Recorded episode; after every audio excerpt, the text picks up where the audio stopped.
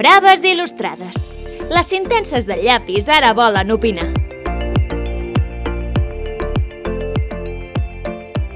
Hola, sóc la Marta Bellveí, sóc bessons i no he begut mai una tassa de cafè.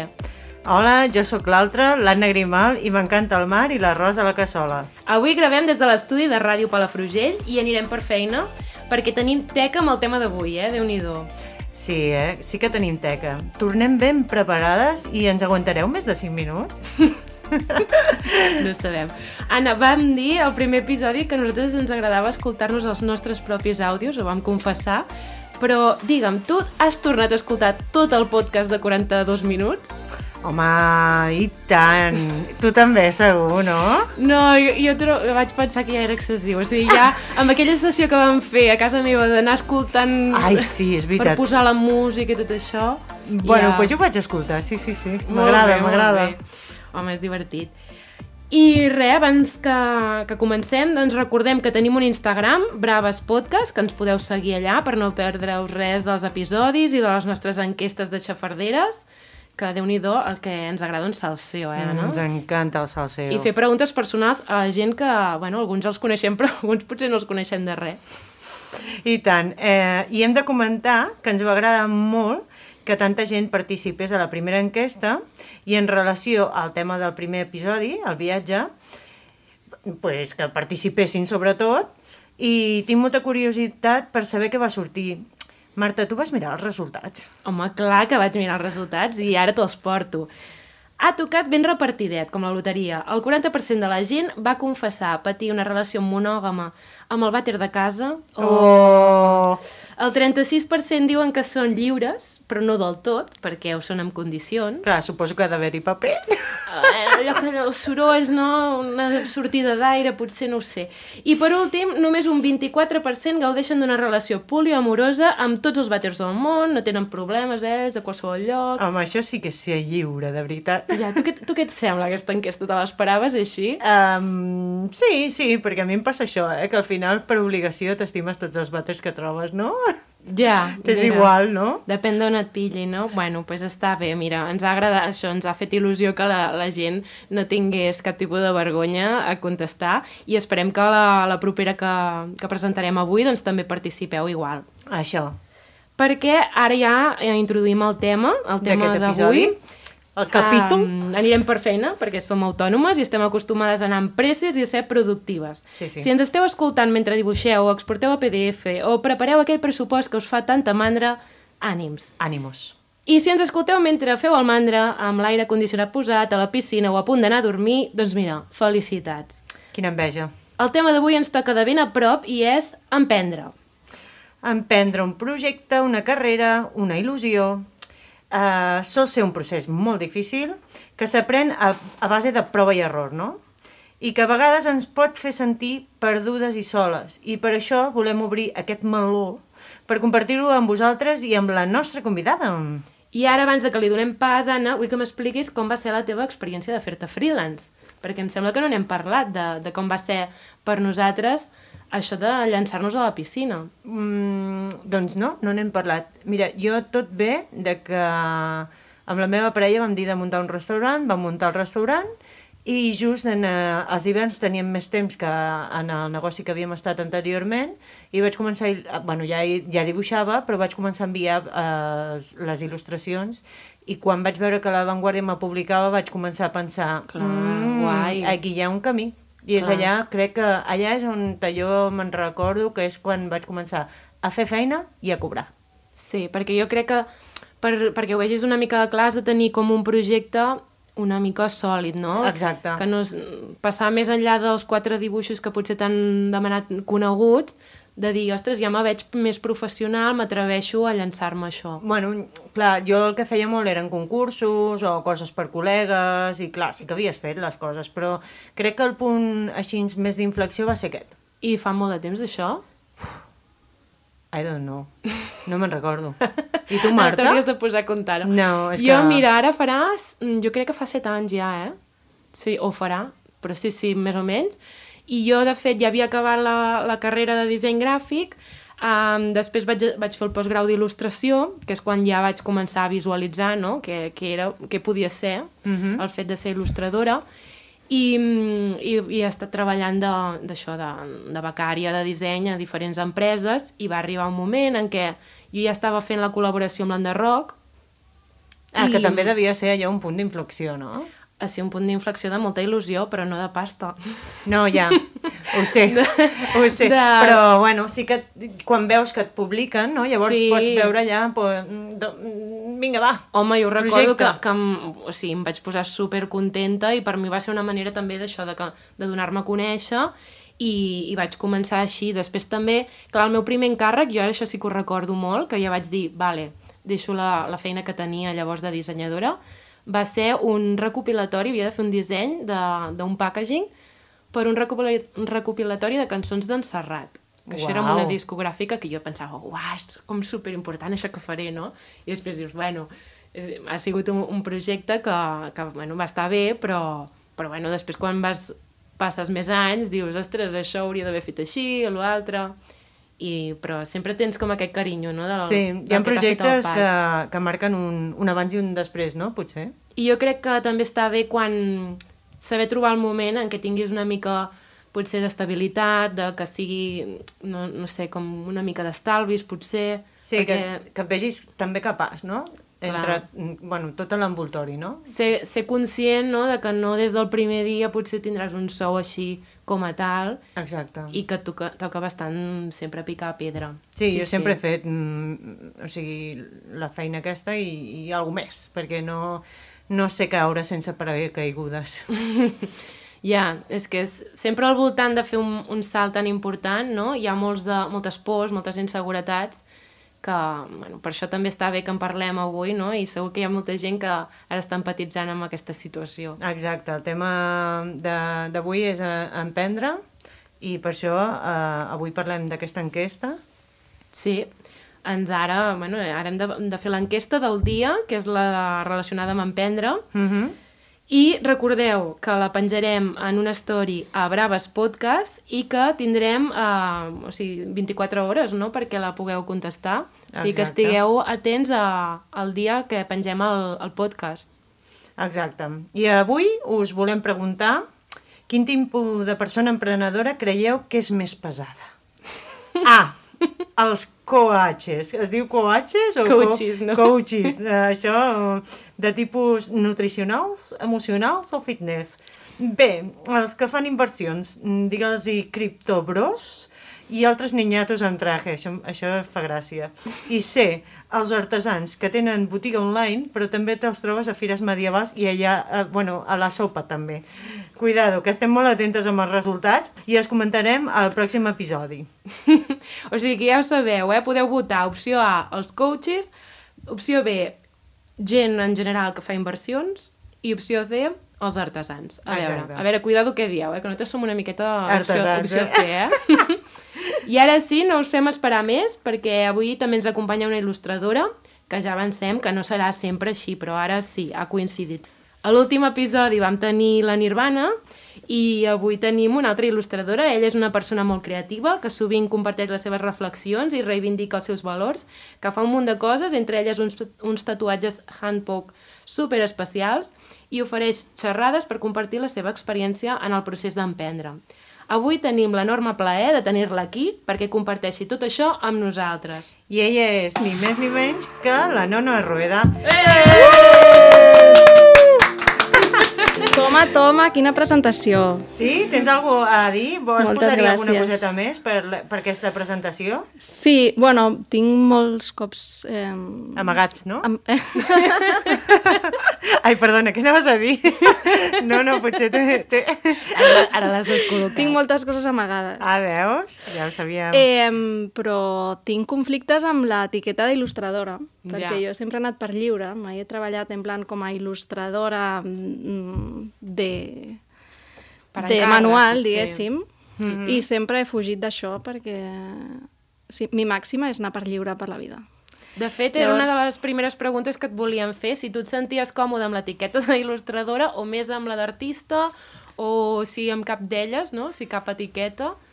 Però, Depèn del moment, sí. clar, Sí, sí. hi ha etapes per tot, no també? Sí, sí, sí. A mi, per exemple, m'ha costat sempre el fet de definir-te com a artista. Mm. Sempre tenia com un punt com de que em semblava pretensiós, de...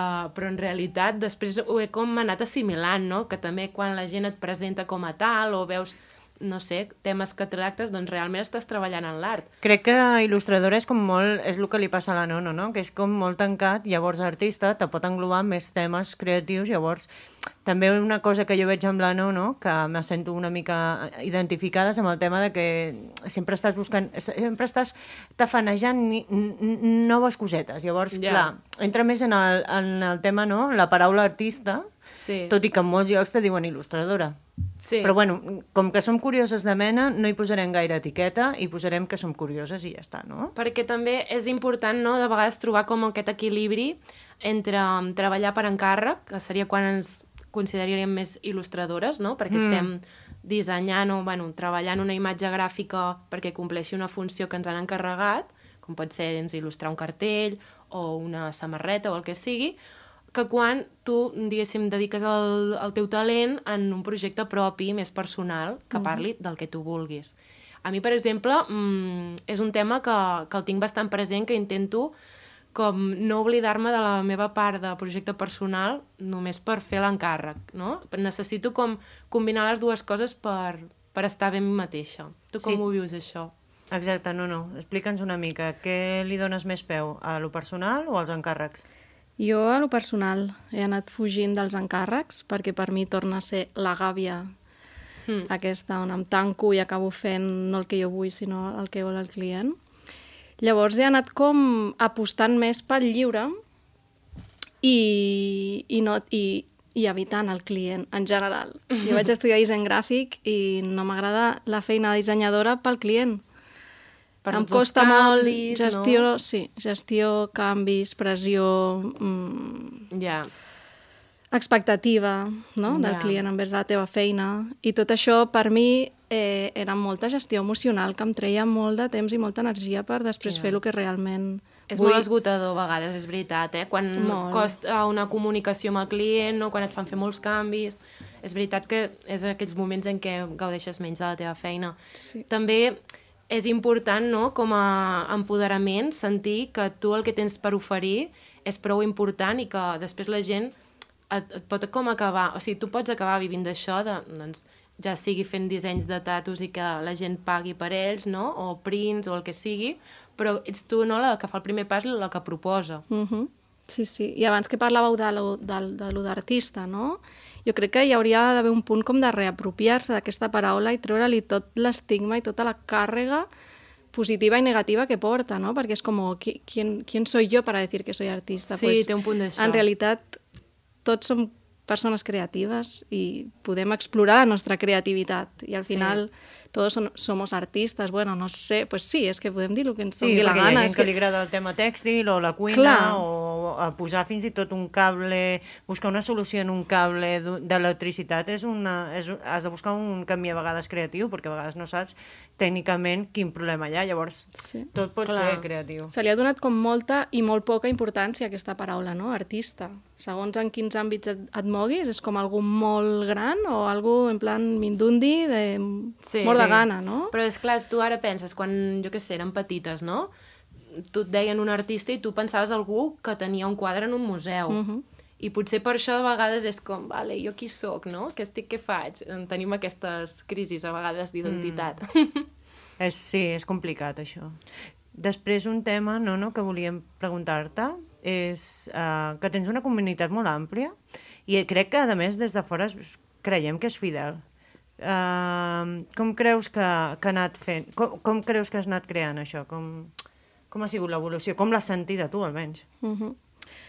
Bueno, ja, el primer que m'arriba així de, de dir és el tema com de la humilitat, no? de mostrar-te tal com ets, sense pretensions. Jo quan vaig començar a fer les xerrades era una mica reivindicar o anar en contra de, sense fer-ho activament, però com un, un activisme en contra de, de la gent que et venia el pack de com emprender, com ganar dinero con tu arte i aquestes coses, i et deien com començar de zero, i et clavaven 2.000 euros per la formació. I és, aviam, si he de començar de zero, he de començar de zero.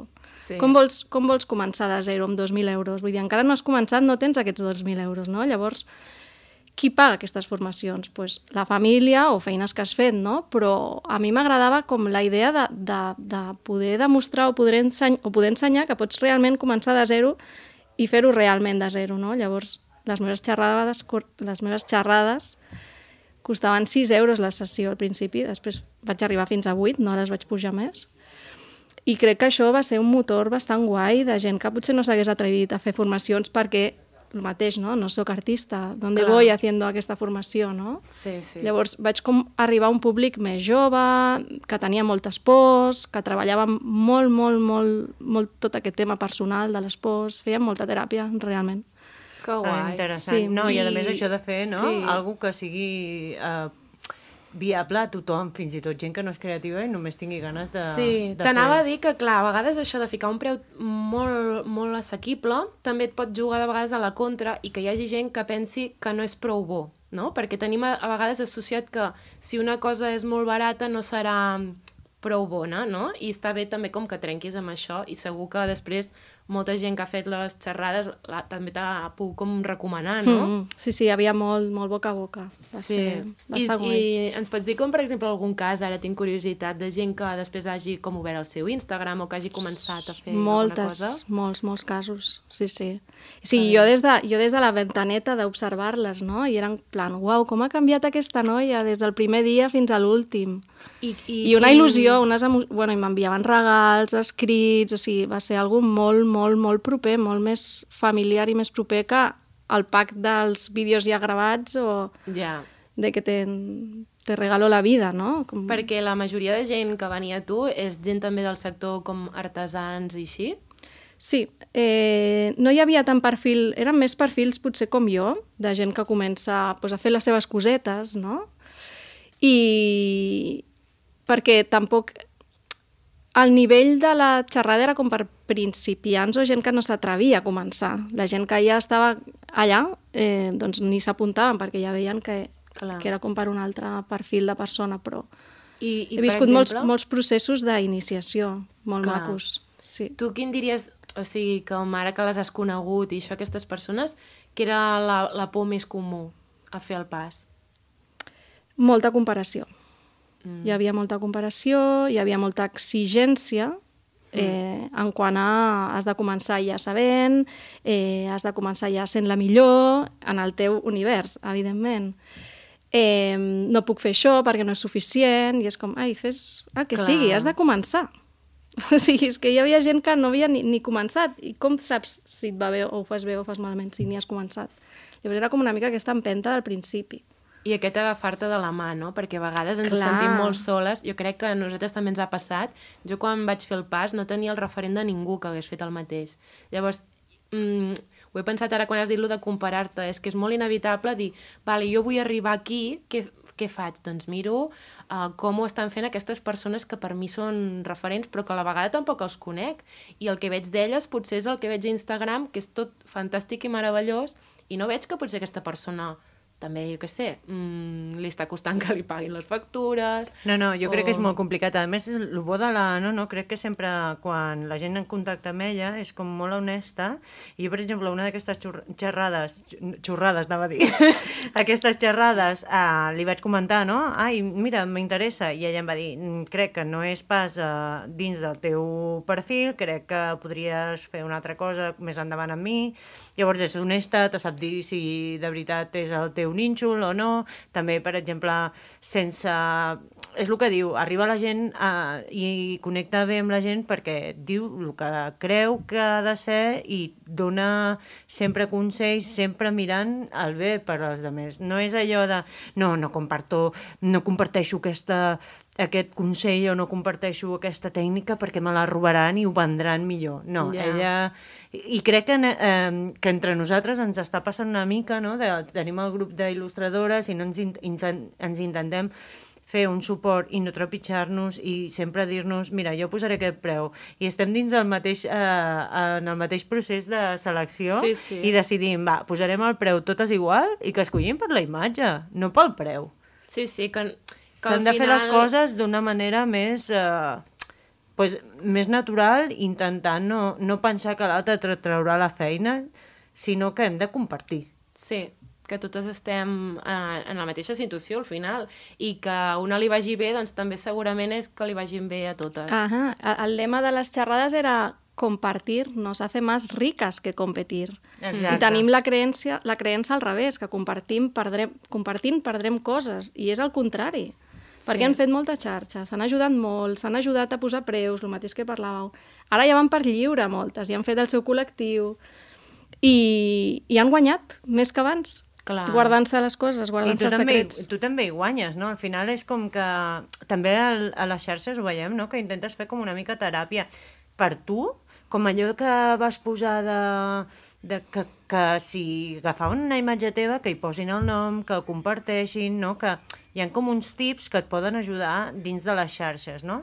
Però a més a més fas això de, de, de la teràpia i tot, tot això, aquestes idees et surten naturals, oi? Mhm. Perquè ve dins de la teva Clar, teràpia volem dir, doncs com per exemple quan tu eh, t'obres no? i expresses com et sents, si estàs tenint una època doncs, més reflexiva, més introspectiva, tot això d'obrir-te fins on tu posaries el límit o fins a quin punt et fa sentir bé o, o et talles. Bueno, jo ara he fet un peron perquè em sentia massa exposada, i té a veure amb això, no? Llavors, crec que en la mateixa línia va el dir, doncs ara marxo un temps, eh, ara torno, ara estic a tope, ara... Llavors, és, és més com explicar el procés inclús de lo que passa i no només el que passa, no? Que al final és fer, fer com de mirall, fer de, de, de que no estàs sola. I jo crec que, que si ha estat algun tipus de referent, ha estat com una mica això, no? En plan, som, som totes gent- iguals sí, i tenim els mateixos... I la gent ha vist uh, això, dins de, de, de la teva obertura ha vist el reflex, perquè Sí. moltes coses de les que parlem, que ens Sí. estem adon- adonant que cada vegada quan fem més col·lectiu, veiem que totes ens passa el mateix. Llavors, però clar, a mi mm, suposa... Mm, em costa molt. Ara aquí parlem i, i em sento relaxada, però a mi em costa molt posar-ho a internet. I en canvi tu t'has obert molt. Mm. Jo trobo que és molt important a les xarxes que siguem, siguem transparents i que siguem properes. A mi quan veig algú com que impo no sé, com que fa el seu personatge, em causa molt de rebuig, no? Ho veig com molt fals. Hi ha gent, no?, que, que tu potser dius, ostres, això no m'està semblant natural. I que si tu ets tal qual ets, jo crec que és guai. Que també estàs a la teva llibertat de si vols ensenyar més o menys, perquè hi ha gent que dius, doncs pues igual a mi no, m'ense- no m'agrada- ve de gust ensenyar la meva cara o el que sigui, no? Trobar com la teva relació sana amb les xarxes. Manu. Sí. Un exercici que fèiem a les xerrades era fer un llistat entre totes, jo els hi feia la pregunta, per què creieu que aquesta noia ven, ven les seves il·lustracions bé o les seves, les seves artesanies o per què està triomfant, entre comilles. I fèiem una llista i tot era perquè és molt natural, perquè és molt transparent, perquè... Llavors era en plan, pues, una mica això és el que he fet jo. Mm. He jugat una mica també amb el, que, amb el màrqueting, però és un màrqueting...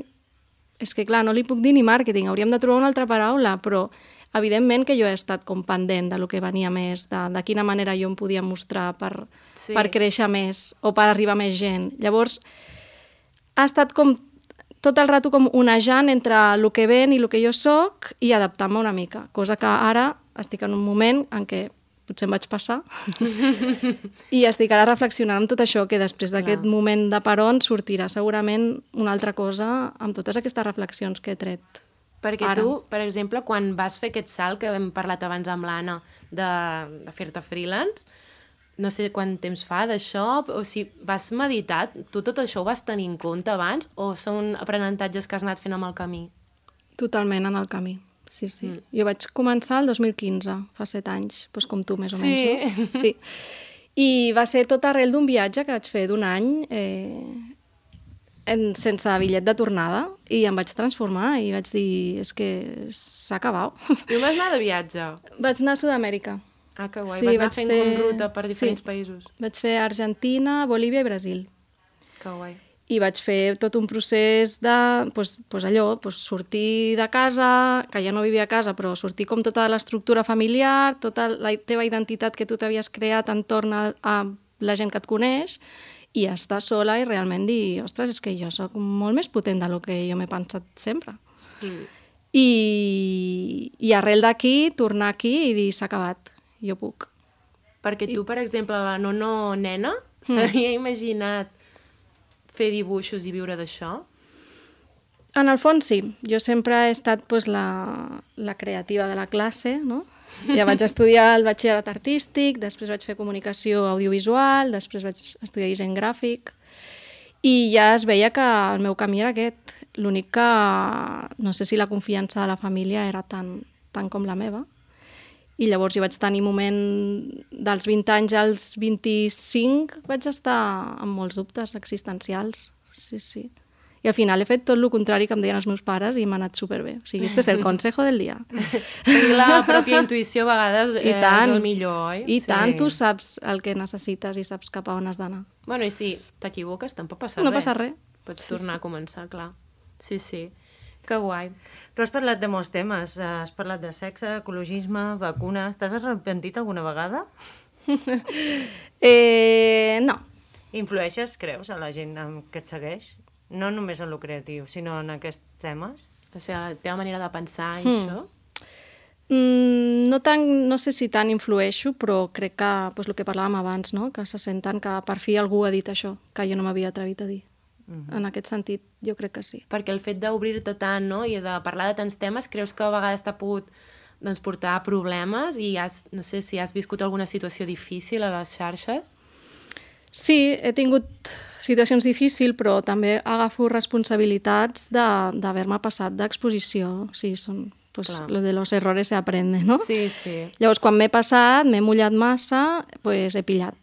Llavors, ara, pues, pas enrere i ja està, tampoc fa falta compartir tot. I... Clar. I pillat en el sentit de que has tingut com molts de missatges, jo que sé, que t'ataquessin o... Sí, sí, o de gent que, ma- que, que entén, transgiversa el que dius. Ja. I és en plan, o sigui, jo no estic parlant d'això, per, què, per què estàs posant... Bueno, això fa poc en vam parlar, dius Sí. sí. que dins una frase hi poden haver-hi uh, mil significats i és molt complicat que tothom entengui el significat que tu vols transmetre a vegades. Llavors hi ha tantes lectures, això és com un Twitter. Uh, Sí.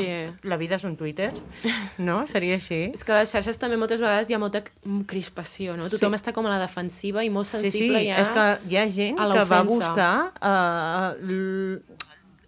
O sigui, una frase superplana, sense significat quasi, van a buscar lo dolent. Llavors, Ja. això hem de començar també a...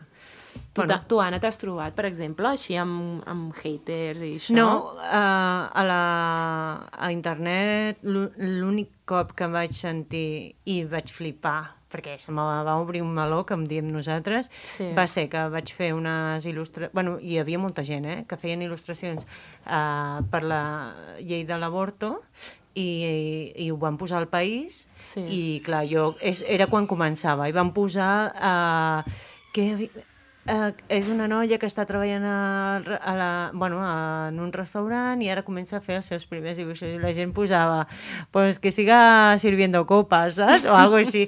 I la gent, hi havia molta gent que tu no penses que hi hagi tant de conservador Sí.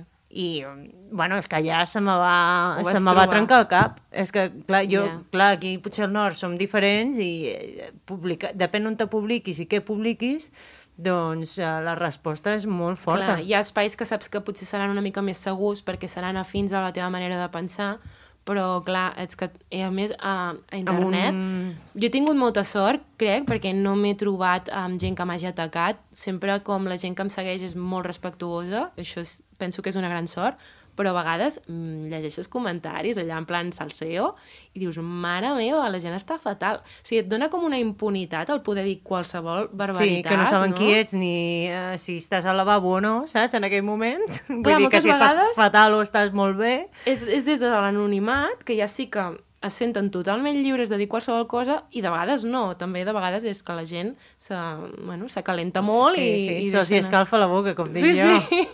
Sí, a part, bueno, també una mica reflexionar sobre el hater conservador i el hater més punky, no? Perquè, o sigui, punky per dir d'alguna manera, o activista o radical de qualsevol moviment, sí.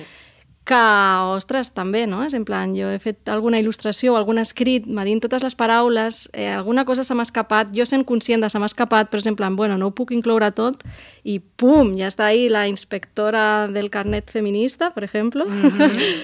que ja t'està recordant el que t'ha faltat de dir, no? I és com, uau, joder, estem aprenent. Clar. Mm, no, no m'entris així, no? Fem una mica de, de Sí, pedagogia s'ha de ser- exacte, s'ha de ser responsable. empàtic, S'ha de ser empàtic. Tu Ser pots, més amable amb sí, tothom. també Sí. pots dir les coses de- d'altres maneres i a més a més és això, trobo que, que arribem a un punt que ja no es pot dir res i a mi se'm comença a escalfar la boca, o sigui, sí. jo nunca, mai sóc de, de dir a la Ja. gent el que ha de dir i el que no, vale? a mi em sembla bé totes les idees, és el que dèiem, no? Una frase té, té més significats, tu t'agafaràs un... Jo sóc molt solidària i m'és igual, però hi ha vegades que començo ja a estar una mica farta de tots els... Eh, has de ser feminista, has de ser no sé què, has de ecologista, has de mirar de, de no atacar no sé qui. Mm, A veure, nois, també ja. que no salga, que ens surti per la boca a vegades l'opinió i punto, i que no bueno, haguem i d'estar... que, I que, per una banda, crec que no t'has de sentir censurada per el que penses que agradarà a la gent, no? Has de ser com bastant coherent el que tu ets, el que dèiem, no? Al final, de ser real i, i tal qual ets. I també crec que estàs en la teva llibertat de uh, mostrar-te més o menys, no? Que no perquè esti, siguis artista constantment has d'estar reivindicant o posicionant-te en tot, perquè a vegades, no? Mm. Sents com, ostres, ara ha passat això, ho haig de compartir o tal. Bueno, escolta, Sí. no? S'ha Potser- com difuminat aquestes, l'activisme amb, amb... Però no sé si tant amb l'art o amb el número de seguidores que tinguis, no? És com si se t'atribuís una responsabilitat per tenir veu També és i veritat. llavors ho has de fer perquè com tens aquesta responsabilitat de que hi ha molta gent que et segueix i és... O no, perquè potser tu fas Sí, tu i ni, clar. ningú està esperant res de tu, Re de no? mi, i, que és, i quines expectatives té la gent, no? De... Bueno, és això, eh, ara Sí. canvio de tema, eh? Canviem, Sí, canviem. Perdoneu, eh? No, ens empantanem. Uh, segur que hi tornarem, eh? Però uh, parlàvem d'això, no? De que tu reivindiques moltes coses a partir de les teves il·lustracions, però llavors també hi ha això de... Mm, ho comparteixen sense demanar-t'ho o llegir, com, ho regales al teu públic? És la teva feina? Mm, on, on tant són els teus límits? No, no, explica'ns una mica aquest tema, a vegades. Eh, doncs al principi era com molt... tenia molta... Bueno, estava molt pendent de si em robaven o no, la gent m'enviava captures de pantalla de, de gent que havia fet... cos- Una marca va fer samarretes amb, amb una frase meva, la de Everything is possible, una marca molt més gran que jo, i això em va afectar moltíssim. Ja. Però era perquè jo estava en una necessitat de, de ostres, és que si guanyen ells, no guanyo jo. I en el moment en què ja, després de començar a tatuar, tot m'ha anat com millor, perquè al final el tatuatge, eh, la feina de tatuadora té una part, de, evidentment, de molta feina i sacrifici, però per una altra eh, també de, de molta abundància. I, o almenys jo ho he viscut així. He entrat com en el boom del handpoke i ara pues, està de moda tatuar-se i tothom es tatua i tothom té alguna a dir i a, i a, i a, i a tatuar-se la pell. Llavors, arrel d'aquí ja, pues, ja no m'he fixat tant, ja no m'han arribat tantes coses i ja m'és igual. Ja. Bueno, i moltes vegades ho fas una mica així també com a teràpia, no? O sigui, parlem d'aquelles imatges que deies uh, per ajudar un artista Mm. has de fer, bueno, que uns... Fer una mica de pedagogia, Sí. no? De... Uh, ho feies per tu i ho feies per tots, en veritat. Clar, clar, ho feia per, per pues, lo mateix, en plan, por fin alguien ha dicho lo que llevamos tiempo pensando muchas, ¿no? Mm. I una Sí. mica també per, per pedagogia a la, a la clientela particular i també d'empreses i d'institucions, no? És que a vegades estàs tan fotuda en el món que no t'adones compte de que hi ha coses que, per, que tu, per tu són òbvies, per la gent no. per la gent, no? I jo crec que sí que és important a vegades comentar-ho de bon rotllo, no, depèn de la situació que et trobis, però ostres, doncs, no sé, que demanar permís, no? Ser respectuosos, perquè és la feina d'una persona, i encara que tu hagis fet una il·lustració, m'invento, jo què sé, el que deies, no? De la llei de l'avortament, no? Que sigui accessible a tothom i, i, tal. Bueno, doncs, per molt... que- mm, molt bé aquesta il·lustració, la compartiré en el meu Instagram. Vale, pregunta-li primer a la persona si, si li sembla bé o etiqueta-la, no sé. Trobem aquesta manera no, de, de donar-li una importància, un valor en aquesta feina. No, no és, no? A vegades em dóna la sensació com ah, he trobat això per internet. Sí, i mm. no, heu de buscar una mica també no, de qui és i si el podeu ajudar d'alguna manera abans Sí. de compartir.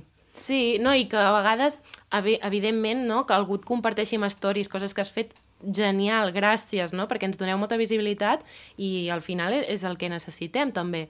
Però jo m'he trobat de vegades de gent que molt descarada, tipus no, és que m'agraden molt les teves il·lustracions, no, si t'etiqueto, sí, clar, però és que el teu Instagram és uh, tot a base d'il·lustracions d'altres persones. Crea el teu propi contingut, no, també? Mm. Sí, és lo Sí. fàcil. Però bueno, suposo que amb això també hem d'anar lidiant i anar trobant solucions. Sí, jo crec que el fet de parlar-ne, com ara n'estem parlant, fa que també la gent sigui més conscient i, i que això passi menys. Eh? Que és veritat que jo crec que m'hi trobava més potser quan començava. Mm, jo també. Mm.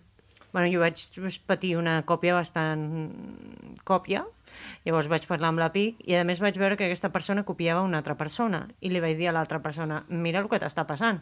Hòstia. I sí, el que passa és que quan te canvien un color, te canvien una línia i tu no pots denunciar, llavors és... Bueno, a mi em va passar super dir, descarat, eh? eh? amb un cartell de festa major. Jo vaig fuerte. parlar amb l'Ajuntament i, i van dir ja no hi podem fer res perquè ja estem en festa major i això estava imprès i està tot arreu. Però és que era un, un cartell que l'havien clavat, els mateixos colors, la mateixa composició, que dius, en pitjor, tot s'ha de dir.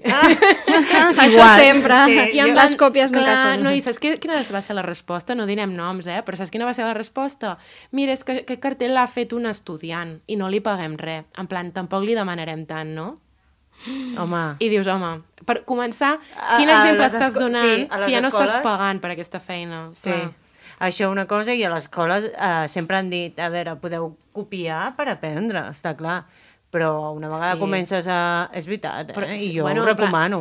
Exacte, però, però per copiar, estàs vull aprenent dir- en un treball de la col·le, però sí, no bueno, exacte, uni. No, però s'ha de ser sincer, un, s'ha de ser honest un Però mateix. no ho presentes com el festival, ai, com, a, com Ja. el cartell de, de la Ai, que se major Ai, ai. Uy, uy, uy, casi lo ha dicho, casi ens, lo ha ens hem dicho. posat sèries, eh? Ens hem posat sèries amb hasta aquí. bueno, canviem de tema, va, Va, que també... més coses. Jo li volia preguntar una cosa a la Nono, perquè nosaltres també ens hi hem trobat tant amb aquesta situació, que és el fet de quan vivies a Barcelona has, vas Mhm. fet un, un canvi, perquè ara vius entre Olot i Banyoles, no? Mhm. Envoltada de natura, super tranquil·la.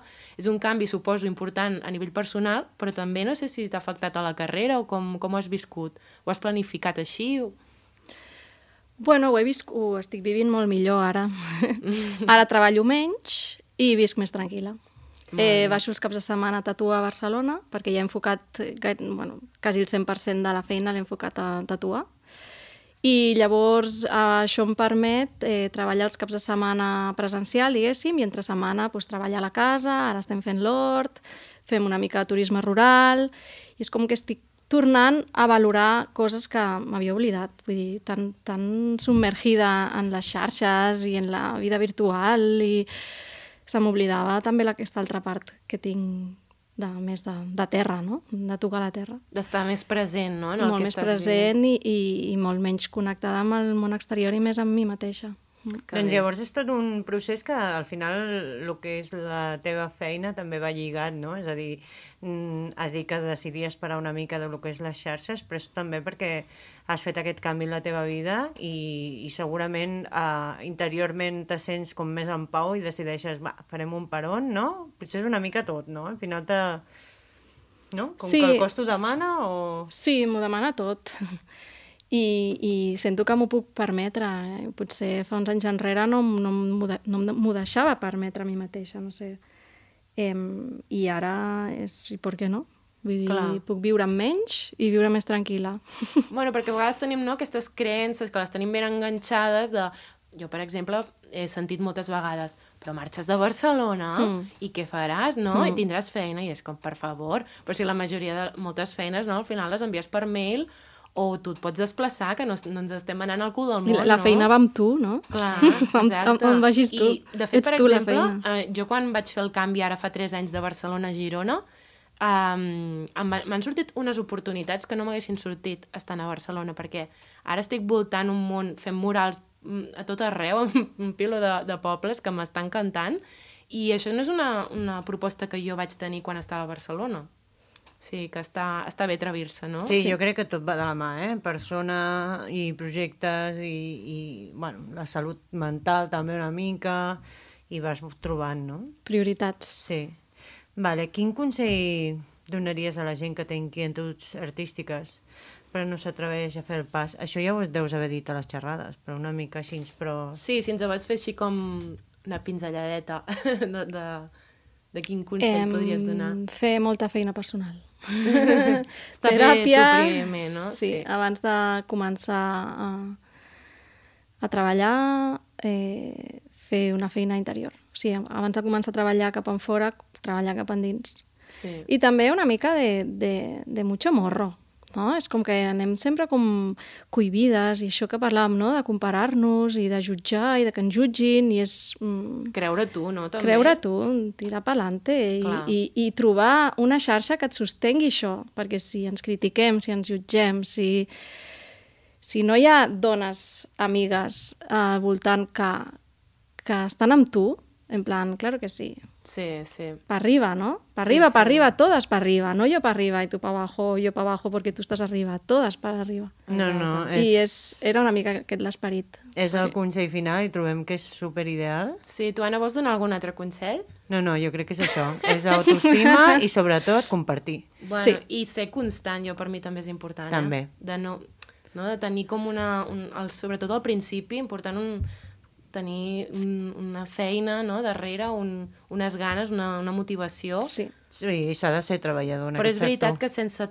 O sigui, el treball de personal és molt important per saber posar límits, per exemple. Mhm. bueno, tenir tu una, una autoestima ben cuidada també per saber tirar endavant els projectes i saber també a vegades cap a on vas. Perquè ara estàvem parlant una mica del moment d'emprendre al principi, però durant tot el procés, no? Ara nosaltres estem parlant de que portem com uns set anys treballant, hi ha etapes de tot. Ara tu deies no, que estàs com més recollida i jo recordo, per exemple, també una, tenir una etapa de tenir molta ansietat perquè estava molt desconnectada del que em passava i no, no era conscient, jo només era com produir, produir, produir, i va haver un moment en plan, bueno, paro i necessito saber cap a on vull anar i on vull dedicar la meva energia, perquè també ens passa bastant, eh, Anna, que volem agafar-ho tot, volem... Sí, a tu i a mi em sembla que ens sí, passa, no? Vinga, llibre, podcast, Vinga, tot, que no vamos liando. I clar, a vegades um, hem de posar més energia en un lloc per, per poder estar millor. Sí, i també és veritat que per poder parar has hagut de, de treballar. Sí, Sí, sí, també. Mm, No oblidem això. No, clar, Sí. al final tot està programat, eh? L'únic que sí, que hem d'escoltar el nostre cos, la nostra ment i anar decidint una mica el camí. Sí, sobretot anar- anar-nos el que dèiem, no? La nostra intuïció. Sí, és Sí. una altra via de- d'escolta. Sempre escoltem unes veus que no hauríem d'escoltar i has de canviar la veu. Sí. Has de sintonitzar l'altra veu. La nostra veu. La nostra veu. La Braves nostra podcast. Queda superbé, eh? Podeu agafar, eh? Em pagueu els drets i ja està. Doncs, bueno, eh, eh, farem una mica de recomanacions culturals, no? Ara ja s'ha convertit en la nostra última secció sí, de, de és, és, l'episodi. és la guindita. I, bueno, podríem estar parlant d'hores d'això, però, bueno, acabarem eh, Sí. explicant res, quatre pinzellades. Jo volia, mira, com- recomanar-vos uns còmics amb tot això que hem estat parlant de- d'emprendre, no? de lideratge, de... he pensat en, en pioneres, en dones que han sigut referents i que moltes vegades no ens ha arribat aquest, els testimonis d'aquestes persones, les seves històries. I jo vaig arribar a uns còmics que em van encantar, que això parlen de científiques, actrius, inventores, atletes, dones molt referents i molt lluitadores eh, de totes les èpoques i que jo les vaig a trobar fa anys en castellà, eh, que es diuen Valeroses, hi ha el 1 i el 2, i sempre estava com esperant a veure si traiem més, però de moment em sembla que no, d'una autora francesa, que ja em perdonareu perquè jo no sé pronunciar francès, però crec que és Penélope, com ho has dit, Anna? Bejou? Eh, Bejú. Bejou? No sé, eh? Però us haig de dir que també fa poc les, uh, ho han publicat en català amb un sol llibre, l'editorial Finestres, i que el podeu trobar, es diu Intrèpides. Sí, i parlant de tot això, mm, jo vaig pensar, doncs, en, en per exemple, una dona com uh, Marilyn Monroe, que hi ha un llibre de Maria S. que, que ella explica una mica la biografia i també és una persona pues, doncs, que estava molt cosificada, no? i en aquest cas um, ella era molt emprenedora. Sí. I llavors també hi ha... Uh, bueno, de Maria S. hi ha uns quants, perquè en el placer també dona pinzellades de dones uh, que parlaven sobre sexe i sobre el tema del llibre de... Bueno, jo Dones recomano... pioneres, sí, no? jo recomano que, que repasseu una mica el que ha fet Maria S. I també, per exemple, Ana Penyes també va fer un llibre molt xulo de Todas estamos bien, Sí, sobre les seves àvies, que al Sí. final no són gent famosa, però també ens han fet camí. Clar, no és gent que hagi potser muntat una empresa on no són referents No, de negoci. Però ens han donat unes bases, ens han Unes ensenyat cures. algunes coses, també. Sí, Sí, és sí. interessant. Tu vols recomanar algun o no? Sí, jo volia recomanar, ja que parlem d'emprenedoria i de les xerrades que feia, el col·lectiu que han fet les noies que han sortit, algunes de les noies que han sortit de les xerrades, que es diu Red Fèria, i s'organitzen per fer com mercats online a stories, eh, venent les seves coses, que és una cosa que fèiem quan estàvem en el col·lectiu, perquè jo ja no faig les xerrades per tot aquest procés de peron que he fet, i elles han seguit i pues, res, que passeu a fer una ullada perquè són supermones totes i s'ho estan currant moltíssim. Ah, que guai, doncs ja la seguirem, eh? Sí. Molt bé. Ho mirarem. Red Merci Fèria. per recomanar-ho. I tu ara que deies això, que feies aquest moment de peron amb les xerrades, t'has plantejat, no sé, eh, si ja tens alguna idea de continuar-ho fent més endavant? Sí, estic oberta a, a tot. Bueno, Potser no tan plantejat en tema de feina, sinó obrir debats. M'agradaria molt obrir debats per parlar. Potser inclús presencial, ara que visc a una casa preciosa. Eh, I començar a parlar com més de tot. Molt bé, doncs mira, estarem ben atentes seguint... Sí, perquè parlar que- ens interessa. Sí, sí, això ja, ja ha quedat demostrat, Anna. Sí. I ara sí, ens acomiadem, hem estat superbé amb la xerrada d'avui i us deixem reposar durant unes setmanes fins al pròxim episodi. Moltes gràcies a Ràdio Palafrugell per acollir-nos a l'estudi, a la Nona Rueda per aquesta fantàstica conversa sí. i al dinar d'abans, que encara sigut millor. Exacte. I avui sí, no ens en oblidem. Moltes gràcies també a la nostra veu de capçalera, la- l'especialista de doblatge Sònia Castell, eh, que és la, Ens la veu, la veu que veu. ens podeu sentir al principi amb la musiqueta, doncs és ella. Moltes, gràcies, a tots. I ens veiem aviat. Vinga, adéu. Gràcies, guapes, merci. Merci, Gràcies. Nono. Ja ho tenim, això, eh? Ja ho hem fet.